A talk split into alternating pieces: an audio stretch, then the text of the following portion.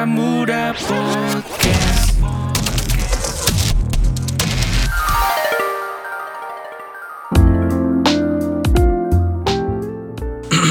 Yuk, ayo kita mulai. Wih, ready? Ready. Oke, satu, dua, tiga. Welcome to. Welcome back. Oh, welcome. Selamat datang di- Oh, oh iya, Oh. ya maaf ya, aku kayak kebiasaan di Inggris. Welcome back. Kamu aja. Oh, akhirnya welcome back. Ah, apa lo?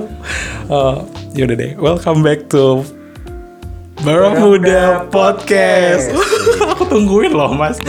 kita mau bareng. ke mana? Kan biasanya bareng. Kirain kamu sendiri, aku yang ngenalin bintang tamu gitu. Oh gitu.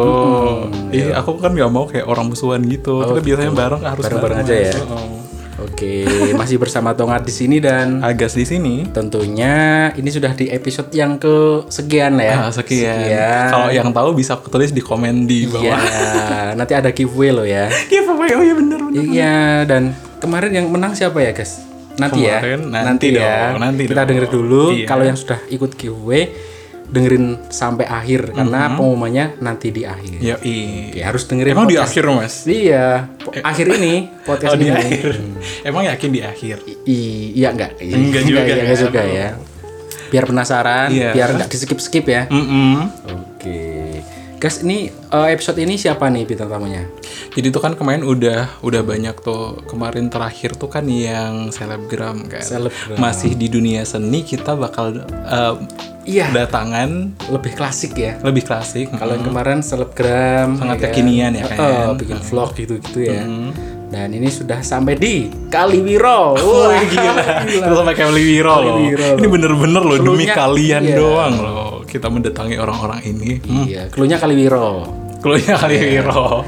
Kali Wiro tuh beda besar Iya, mas, gede mas. Terus klunya lagi hmm, dia seninya itu pantomim. Mm-mm. Ya, pantomim. Kayaknya pantomim aku cuma tahu satu orang sih di Siapa? Wonosobo sih. Siapa namanya? Ya orang ini. Oke, langsung saja kalau penasaran. Oke, kita kenalin dulu. Kita sapa ya? Halo, selamat. Halo, selamat siang. Wel- Iya. Welcome back gitu ya. Kawan muda, isi. Iya. Bisa perkenalan nih. Iya, kenalin nama saya Bagus ya. Eh, nama asli sih Bagus Santoso gitu. Kalau nama ijazah, nama KTP. Cuma teman-teman panggung eh, itu nyebutnya Bagus AR gitu aja sih. AR tuh apa mas? AR itu apa ya? Allah ridho gitu apa ya? Rido. Gak kepikiran. Gak kepikiran, sangat mind blowing boom. Ya, ya, ya Allah Ridho. Silakan dilanjut. Ya enggak sih itu eh, biar enggak cuma bagus gitu doang. Tadi aku bisa dong tongat AR. Alhamdulillah Ridho, ya kan. Aku Agas AR. Apa itu? Agas, assalamualaikum rakyat apa sih? Garing banget sih aku ya. Oke, ini Mas Bagus nih. Kegiatannya apa nih akhir-akhir ini? Akhir-akhir ini sih eh, lagi suka nanem ya lagi suka nanem kemudian lagi di konstruksi bangunan juga karena karena sanggar seni bagaskara itu kebetulan sejak pandemi kemarin itu banyak off-nya. Jadi sejak Maret bulan Maret itu off. Dan baru dua bulan terakhir kita ada beberapa agenda yang kita lakukan. Jadi selama itu wah luar biasa sih. Akhirnya tetap berkarya bikin-bikin stok karya rekam video. Cuman nggak se ekstra waktu sebelum corona gitu. Begitu. Oke, kalau yang belum tahu ini Mas Bagus ini kan sebelum pandemi ngajar pantomim ke sekolah-sekolah nih. Nah, kalau pandemi ini itu tetap ngajar dengan virtual gitu atau off bener-bener off ngajarnya? Kita sempat bulan September kemarin sih. September kemarin sempat ada beberapa sekolah yang kita eh, ajari pantomim. Ya secara virtual dan juga ada yang secara langsung gitu. Cuman eh, tetap kurang maksimal. Karena kita wujudnya kan ekstra ya ekstrakurikuler yang di situ bukan eh, mapel utama gitu. Jadi cuma penambahan-penambahan. Dan kemarin ada lomba-lomba aja kita nggarap itu. Gitu sih. Cuma kalau yang ke sekolah-sekolah itu hampir semuanya off. Cuma bulan September kemarin sempat ada yang masuk SD MBF Al Azkia ikut lomba. Gitu. Oke, jadi sekian banyak sekolah dan sekian banyak hari terlewati dan hanya sekali itu ya berarti ya. Berarti bener-bener dampaknya luar biasa ini. Sebenarnya eh, mulai belajar pantomim itu sejak kapan sih mas? Dan kenapa pantomim itu? Eh, tahun 2012 sebenarnya sih udah udah mulai ya. Jadi cuma cuma belum fokus gitu karena karena background saya teater sih sebenarnya gitu. Nah terus eh, ke pantomim itu kayak tersesat. Tapi nggak masalah itu karena pa- pantomim itu sub dari teater itu sendiri.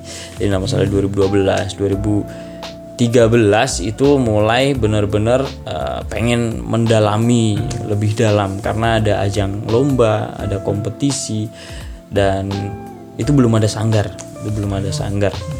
Nah terus 2013 itu mulai benar-benar mencari ilmu lah ya, melanglang buana ke Jakarta, ke Jogja ya, ketemu teman-teman gitu.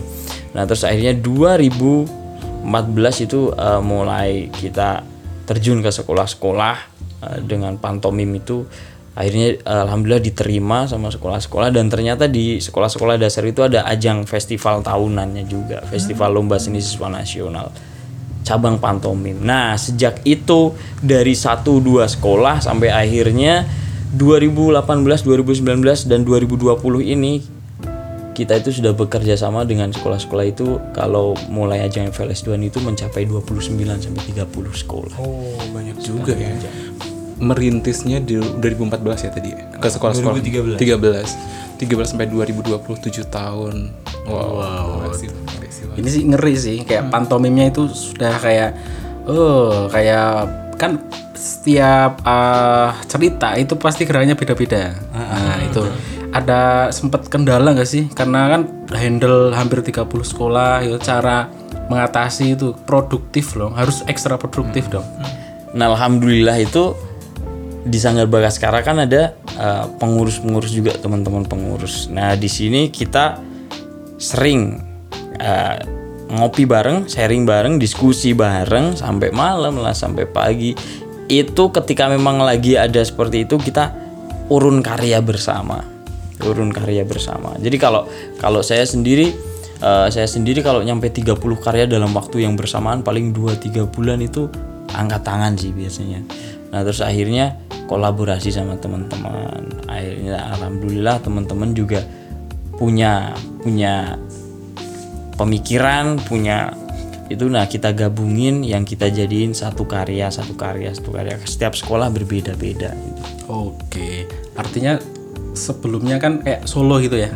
Nah, Solo juga bikin sanggar. Nah, itu sejak kapan berarti? 2017. Itu bikin sanggar. Dan seba- eh, Mas Bagus itu sebagai ketua atau pimpinan atau apa ini? Ya pokoknya pertama kali Sanggar Bagaskara punya keinginan ya, punya keinginan bikin sanggar ah karena dulu itu kita masih di Ngesti Laras eh, Bu Mulyani itu. Kemudian 2017 kita mulai latihan mandiri gitu sih. Eh, kemudian kebetulan saya ketemu sama anak Kaliwiro juga. Dia lulusan UN eh UN lah. Mana ya? lupa tuh se- seni rupa dia ngambil seni rupa namanya Nuri Atmoko Eh, kebetulan saya ketemu dia Eh, akhirnya kita yuk kita bikin sanggar istilahnya kalau bahasa Wonosobonya ya nyong kan nang acting kowe nang seni rupa nah saya di acting dia di seni rupa gitu. yuk gabung gawe wadah gitu. ayo kita gabung bikin satu wadah satu tempat untuk anak-anak untuk siapa pun yang pengen gabung wadah itu eh, tujuannya sih untuk sosial ya karena sanggar seni sekarang sanggar sosial gitu nah terus kecuali yang hubungannya dengan instansi atau apa yang memang di situ ada ada nilai-nilai komersil memang. Tapi kalau untuk yang kayak apalah sosial sosial kita sosial. Akhirnya saya sama Nuri ketemu begitu oke fix. Kita gerakan itu 2000 2016 Desember itu kita ngumpul. Januari 2017 kita mulai fight. Sampai hari ini. Oke, namanya Bagaskara ya, Sanggar Bagaskara. Berarti mungkin kenapa nggak kan namanya kan Nuri ya tadi ya, temen ya. kenapa nggak bagus sama Nuri itu jadinya Bagas Kari ya. Sekali. Ya dari darinya Muri ya. Iya. itu Bagas Kara ya. Ada arti tersendiri tuh enggak ini? Eh, Bagas Kara. Bagaskara kan itu srengenge itu matahari surya ya itu matahari jadi memang tujuan awal kenapa disebut Bagaskara karena Bagaskara itu kan matahari menyinari eh, memberi manfaat kepada bumi semuanya tapi tanpa ya itulah maksudnya mereka itu memberi manfaat yang luar biasa jadi harapannya Bagas Sanggar Seni Bagaskara ini bisa menyinari minimal lingkungan sekitar. Kita harap kembali gitu ya. Tapi kalau ini ya berharap dong. Masa gratisan terus ya. Bagasan surya menyinari dunia ya. Iya. Oke, jadi nggak nggak ada hubungannya sama Bagus dan Nuri ya? Nggak ada. Bagas Kara itu.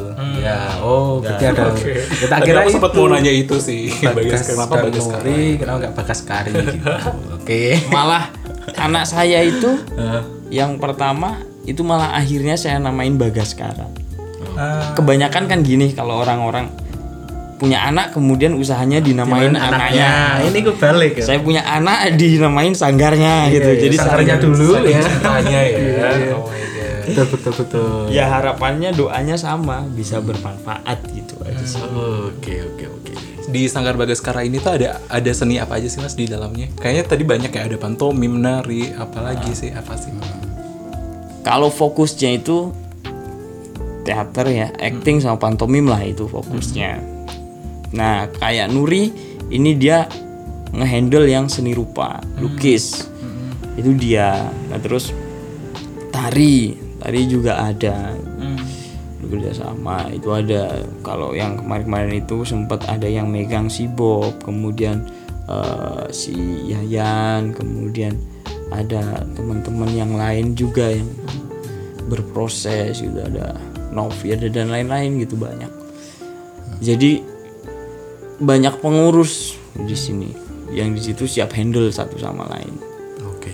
Ini dengar-dengar eh, Sanggar Bagaskara itu pernah ke Bali. Nah, itu apa ceritanya itu? Kok sampai ke Bali itu? oh iya itu itu anugerah yang luar biasa ya itu 2019 kemarin 2019 kemarin ada eh, ASVS Association apa namanya ya Artiannya aja nih Mas. Pokoknya artinya itu dia perkumpulan dokter-dokter vaskular gitu. Ah, Sedunia ya. Sedunia ya. Sedunia vaskular sedunia. Kemudian eh, se-Asia, se-Asia, ASEAN, eh, ASVS ASEAN Social Vascular Society gitulah. Ingat-ingat bentar, bentar. ASVS ASEAN Sosial eh, ASEAN Surgery Vascular Surgery. Halo. Asosiasi ah itu ya. Dicari deh dulu dicari, dulu itu ASPS gitu pokoknya saya saya juga nanti kalau pakai bahasa Inggris nggak paham Mas. Oh iya. Oke. pokoknya itu Acara besar lah ya. dokter-dokter vaskular gitu dokter bedah apa ya kalau vaskular itu mungkin. mungkin. Ah, jadi, ah, jadi surgery ya benar-benar ASEAN Surgery Vascular Society gitu apa gimana gitu pokoknya itu dari seluruh negara se Asia gitu. Nah kita ikut andil di situ jadi punokawan. Jadi kita jadi punokawan tapi mengkolaborasikan dengan pantomim kita lima orang yang ke sana tujuh orang dengan kru. Saya jadi Gareng, si Bob jadi Semar, Ki Semar, kemudian Faizun itu jadi Petruk dan yang satunya lagi itu hmm, Sampurno jadi Bagong. Uh, ada Aris di situ yang uh, kru artistiknya, kemudian custom dan lain-lain. Terus ada Pak Jonet, Pak Jonet itu yang bagian dia humasnya ke ngurus sana sini, terus Pak Sape itu yang supir dan ikut andil di dalamnya juga. Penasehat kita. Tujuh orang ke sana ini Ngapain tuh? Tampil. Tampil. perform. Iya di acara.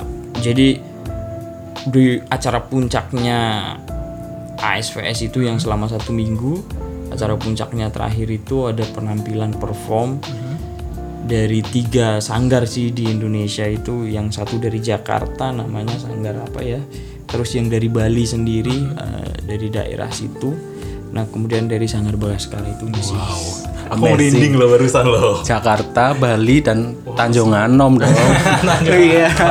Keren Tanjung Anom Kaliwiro gitu ya. Membawa Wonosobo loh ya.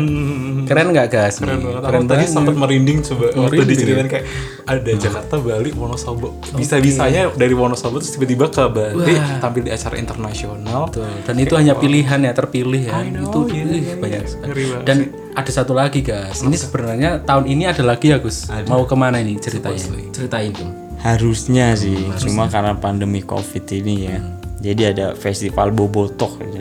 festival botoh di Jepang itu kemudian sebenarnya cuma karena covid ini akhirnya enggak jadi. Padahal semua semuanya udah kayak udah disiapin kayak dari visa, paspor. 2018 2018 itu ada kabar kita tapi eh, sempat eh, apa namanya kita nggak jadi berangkat lah karena ada beberapa kita belum siap sih. 2019 itu mulai dikabari. Kan kalau kalau di luar itu ternyata mereka buat karya itu tahunan. Iya. satu pentas gitu itu satu tahun dua tahun yang lalu udah udah udah Pasti udah gong, pasti gong ya. Nah terus itu udah dari 2019 eh, bulan November apa ya kita udah dikabari bahwa 2020 bulan September kemarin sih harusnya. Hmm. itu kita ada pentas di sana gitu kemudian. Tapi bulan-bulan Mei kemarin itu mengabari bahwa dengan adanya seperti ini di Diadakan atau di Iya. virtual kan? ditiadakan. Oh, oke. Itu mewakili Indonesia kah atau apa itu? Istilahnya nanti acaranya gimana sebenarnya? Jadi eh, festival Butok itu eh, kan di Tokyo itu ada setiap tahun ya sebenarnya setiap tahun. Nah terus di situ festival memang eh, dance theater, mime. Nah di situ jadi di situ kolaborasi dan itu dari setiap event itu mendatangkan dari beberapa negara gitu. Nah kalau di sana ya itu bisa disebut mewakili negara juga sih. Itu festival gitu lah. Tapi besar ya, skalanya internasional gitu ya. Keren sih. Tapi itu khusus pantomim atau apa? Itu dance theater mime. Oh, mime. Mime gitu ya. itu pantomim gitu lah ya. Keren loh. ya. Keren nih seharusnya ke Jepang ya. Wow, keren keren. Ini sekaligus jadi bridging ya, Mas. Iya. jadi kan tadi kan eh, apa? kesempatan untuk ke Jepang tuh akhirnya kan kayak batal karena adanya COVID, adanya pandemi gitu. Selain acara yang seperti itu batal, terus apalagi sih yang terpengaruh dari adanya pandemi ini, Mas? Aduh, ya itu tadi saya sampaikan di awal sanggar itu off sudah mulai dari tanggal 17 Maret itu. Sampai sekarang sih alhamdulillah udah mulai ada beberapa kegiatan lagi. Makanya teman-teman sempat bubar mencari eh, ekonomi sendiri-sendiri. Saya juga sempat akhirnya mendalami udah kabel, mendalami konstruksi bangunan dan juga eh, kalau menanam sih memang seneng sih dari dulu. Soal nanam kebetulan kemarin kan sempat kayak keladi-keladi itu sempat boomingnya luar biasa ya. Kayak kayak rumah kalau nggak ada keladinya kayak hantu gitu. Hantu. Jadi saking boomingnya itu saya uh, ya sempat menjual banyak juga sih ratusan keladi itu sempat alhamdulillah. Nah, terus ya itu uh, saya mempelajari itu. Kemudian sekarang saya memang di konstruksi bangunan ini pertimbangannya banyak sih. Uh, cuaca ya, kalau cuacanya jam segini udah udah hujan. Padahal jam kerja kita kan jam 8 sampai jam 4 gitu. Terus kalau sistem borongan itu kan target gitu. Kalau nggak target kan sulit juga aja. Akhirnya saya menanam. Nah terus ya pengen sih jalan di usaha-usaha yang lain karena sanggar saya kira memang belum bisa fokus maksimal gitu. Salomim juga kita off kan. Padahal Salomim itu kan termasuk tumpuan sanggar juga kan. Iya benar. Istilahnya sanggar kan nggak setiap pentas dapat duit ya kan. Apalagi kita sangat-sangat sosial kalau kita di panti asuhan atau kita di acara-acara apa kan nggak selalu kita dapat duit. Nah terus topangannya salomim salomim aja kan gitu. Betul betul. Jadi emang eh, dampaknya terasa banget ya pandemi itu ya. Oke guys, ini masih ada yang mau ditanyakan nggak terkait pandemi? Eh bentar, aku mau tanya ini agak oot sih. Eh, anggota dari Sanggar Bagaskara ini berapa sih, Mas? Kalau yang secara tertulis itu sekitar 70-an ya. Cuman yang aktif itu sekitar 11 12 lah yang memang intens di sini terus gitu.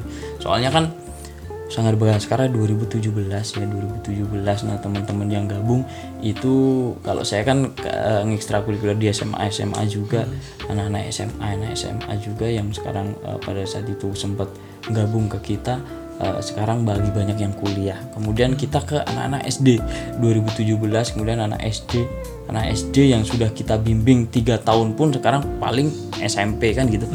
Nah jadi teman-teman yang gabung itu yang satu dia masih sekolah, yang satu masih kecil gitu. Jadi belum siap untuk bertanding. Nah, kalau pengurus aslinya yang udah kayak free-free kayak saya gitu kayak Pak itu ya sekitar 11 12 orang yang intens di sini. Berarti 11 atau 12 ini? Eh, ya kayak saya sama Vino G Bastian kan 11 12. Nanti untuk pertanyaan giveaway jangan-jangan ini. Oh tidak Oh, dong. tidak. Tidak dong. Sebelas dua belas tuh itu bak yang bak eh, sebenarnya itu yang bakal ke Jepang. Atau Enggak. enggak, enggak semua. Enggak. Nah, itu saya pribadi. Saya pribadi. Cuma teman-teman eh, teman-teman itu paling bantu di kru, Hmm. bantu di situ. Sama konsep kayak gitu kan kita juga ngirim video dulu. Kayak kita ngirim video dulu, terus track record kita seperti apa, kemudian eh, karya lah yang jelas kita ngirim karya dulu. Nggak nggak nggak ribet kayak bikin proposal sih nggak. Jadi ngirim karya lewat email kemudian kita uh, komunikasi. Gitu ya udah kayak gitu. Terus uh, CV kita dilihat udah gitu. Terus kebetulan kan ada komunikasi kita sama sama sana jadi memang sebelum adanya itu kita udah sempet komunikasi dulu bahwa main di Indonesia gimana sih? Main di nggak saya nggak bicara Indonesia sih. Main di Wonosobo kayak gimana sih? Gitu kalau di Indonesia kan ada Septian Dwi Cahyo. Kalau di Jogja kan ada Mbah Jemek dan kawan-kawan gitu. jadi lingkupnya sih lebih ke Wonosobo Jawa Tengah gitu. Kalau Indonesia itu ada orang-orang itu juga yang sempat ya kita juga ngobrol sih sering lewat lewat Instagram lewat apa gitu. Selain Mas Bagus tuh ada nggak sih eh, pantomim yang di luar Bagaskara, Sanggar Bagaskara? ada. Ada. ada ada. Tapi kok aku nggak pernah dengar ya. Wonosobo ada. Cuma memang s- apa ya sebenarnya karena pantomim itu gini sih mas ya apa namanya eh, kayak nggak semua orang itu bisa tahu gitu hanya hanya tertentu tentu saja dan performnya jarang. Jadi kalau memang kita nggak benar-benar eksis ya memang tenggelam gitu aja sih. Ada ada. Bahkan mungkin bisa eh, awal-awal saya berproses itu dengan Pak Irawan. Pak Irawan Banu Haji itu orang Sumberan. Deket berarti sama situ. Orang Sumberan terus Selomerto itu Pak Pak Jonet. Itu Pak Jonet. Itu juga mantan mimer terus Pak Hengki yang punya rumah makan Gria Dahar itu. Ini bukan. yang pakai motor Motor besar itu. orang seruni itu. Atau karena Mas Bagus bisa bahasa Jepang mungkin jadi kayak bisa ekspos itu. Tadi kan dibilang bisa komunikasi sama orang sana, orang Jepang itu pakai bahasa Jepang apa? enggak kita tetap pakai bahasa internasional Oh, bahasa internasional. Bahasa Jepang. bahasa Inggris lah ya Ya, sambil buka Google Translate ya enggak masalah lah ya yang penting kan pada pada mudeng lah ya Oke, Google.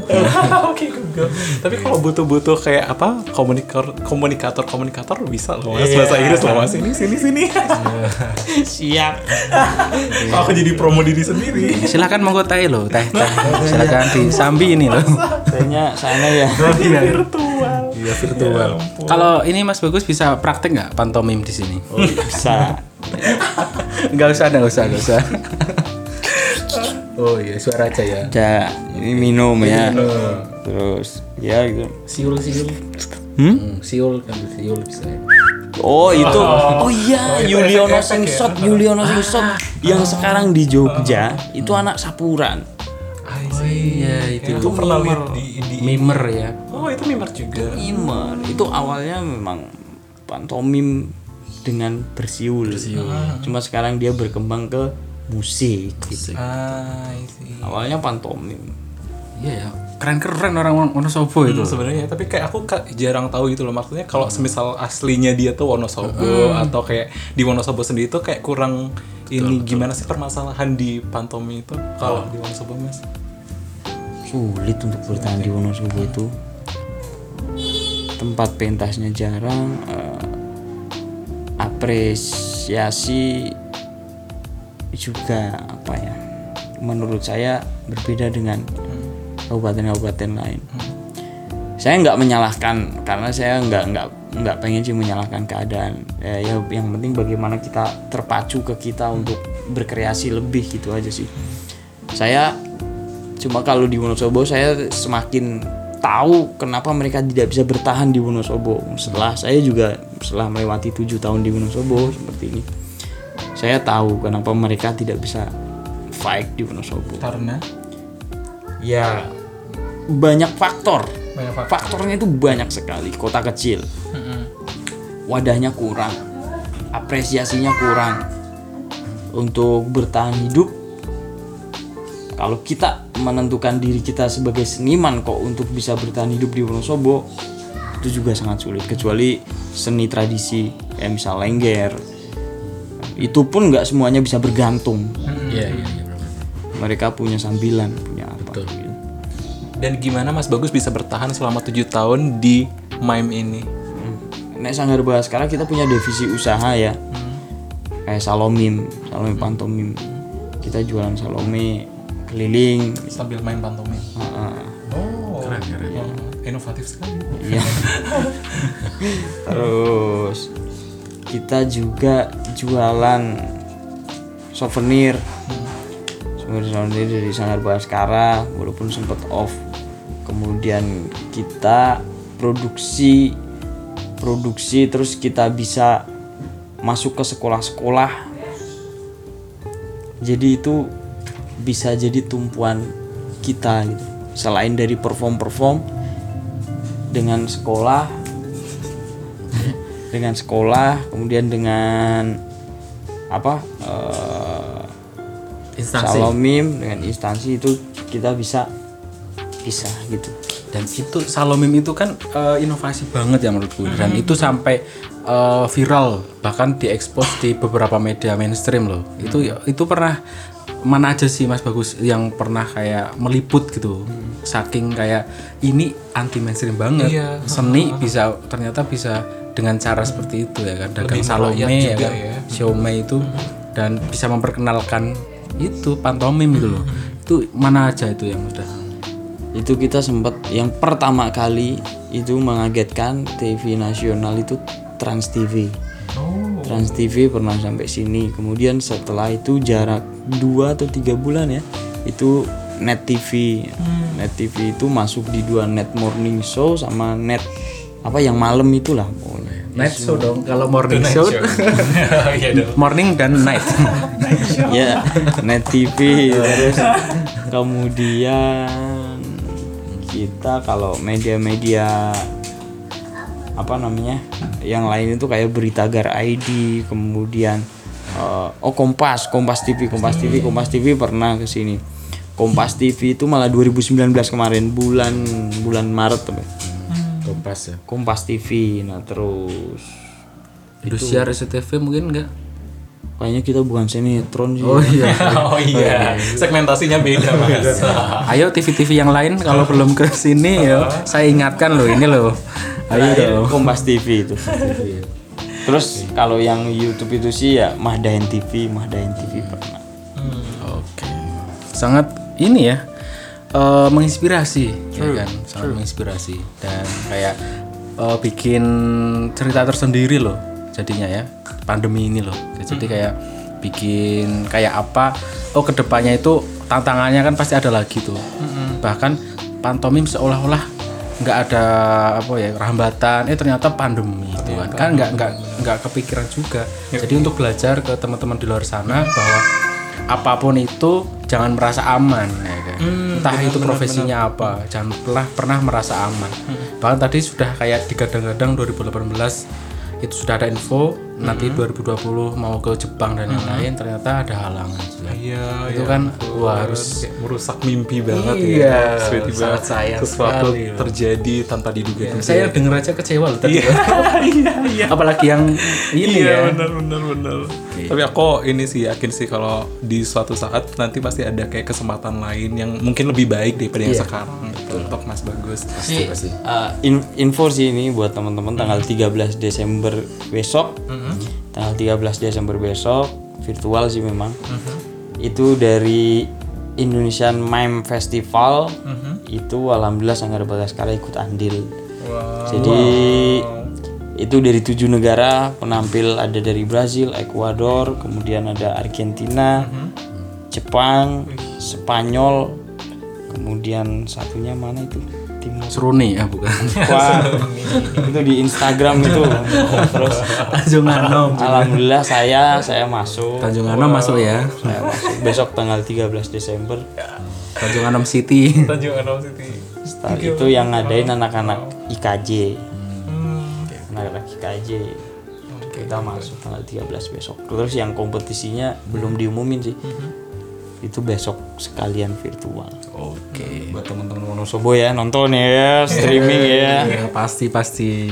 Kalau mau nonton di mana, Mas? Di standar mime YouTube channelnya itu. Oke. Oke, siap. Standar mime.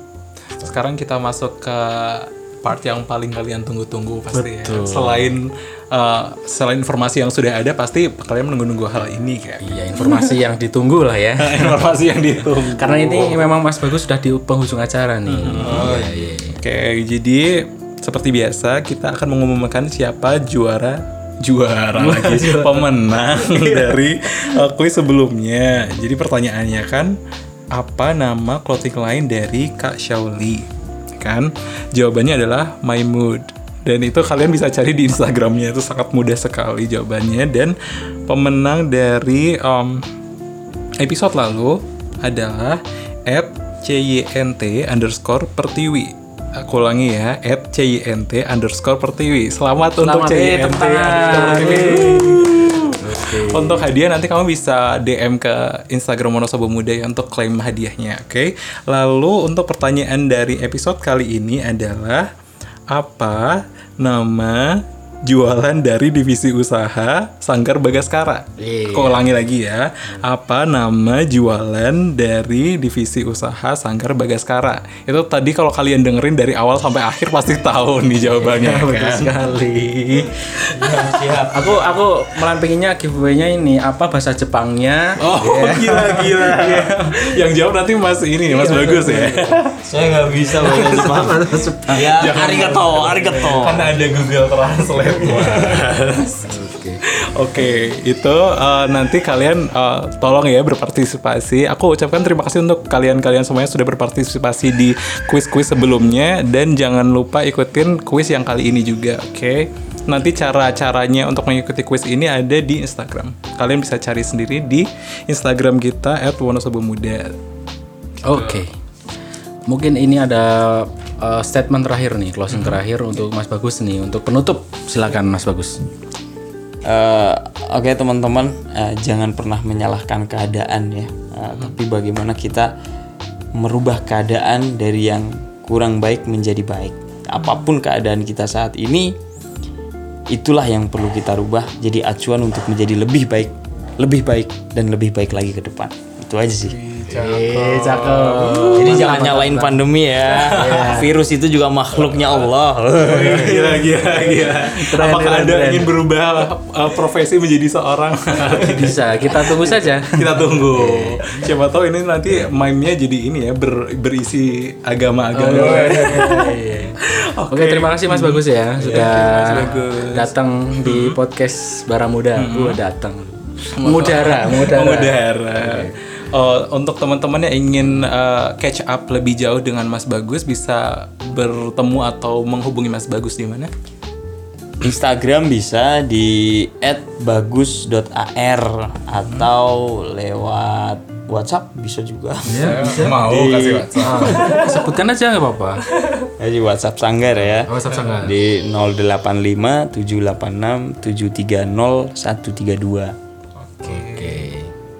Ada mungkin kayak eh, Instagram Sanggra mungkin atau Oh iya Instagram eh, Sanggar itu tadi pribadi ya. Sekarang Sanggarnya di @bagaskara.production. Atau main ke rumahnya bisa di alamat mana? Bisa di Tanjung Anom RT 4 RW 1 Kaliwiro Wonosobo Jawa Tengah Indonesia. Ya. lengkap ya. Oh, anyway, eh, akhir kata terima kasih untuk kawan-kawan muda yang sudah mendengarkan podcast Bara Muda dari awal sampai akhir. Jangan lupa kunjungi kita di YouTube Sapa Kawan Muda di Wonosobo Muda, lalu Bara Muda Podcast di anchor.fm atau Spotify, lalu Instagram kita di @wonosobomuda, Facebook kita di Wonosobo Muda, website kita di wonosobomuda.com dan juga terima kasih kepada Indika Foundation dan toleransi.id yang sudah me- mensponsori acara kita dari awal sampai akhir. Oke, itu artinya saya Tongat pamit dan Agas pamit dan Bagus pamit. Sampai jumpa ketemu lagi di episode podcast berikutnya. Lagi-lagi sinkronisasi. Jadi kadang Failed. awal itu kompak, terakhirnya ya nggak Iya, kompak, gitu. kebalikannya itu ya. Oke, oke intinya itulah ya closingnya ya. Iya. Oke, nanti bisa diedit. Bisa. Oke, sampai ketemu di episode berikutnya. Pastikan dengerin terus Bara muda.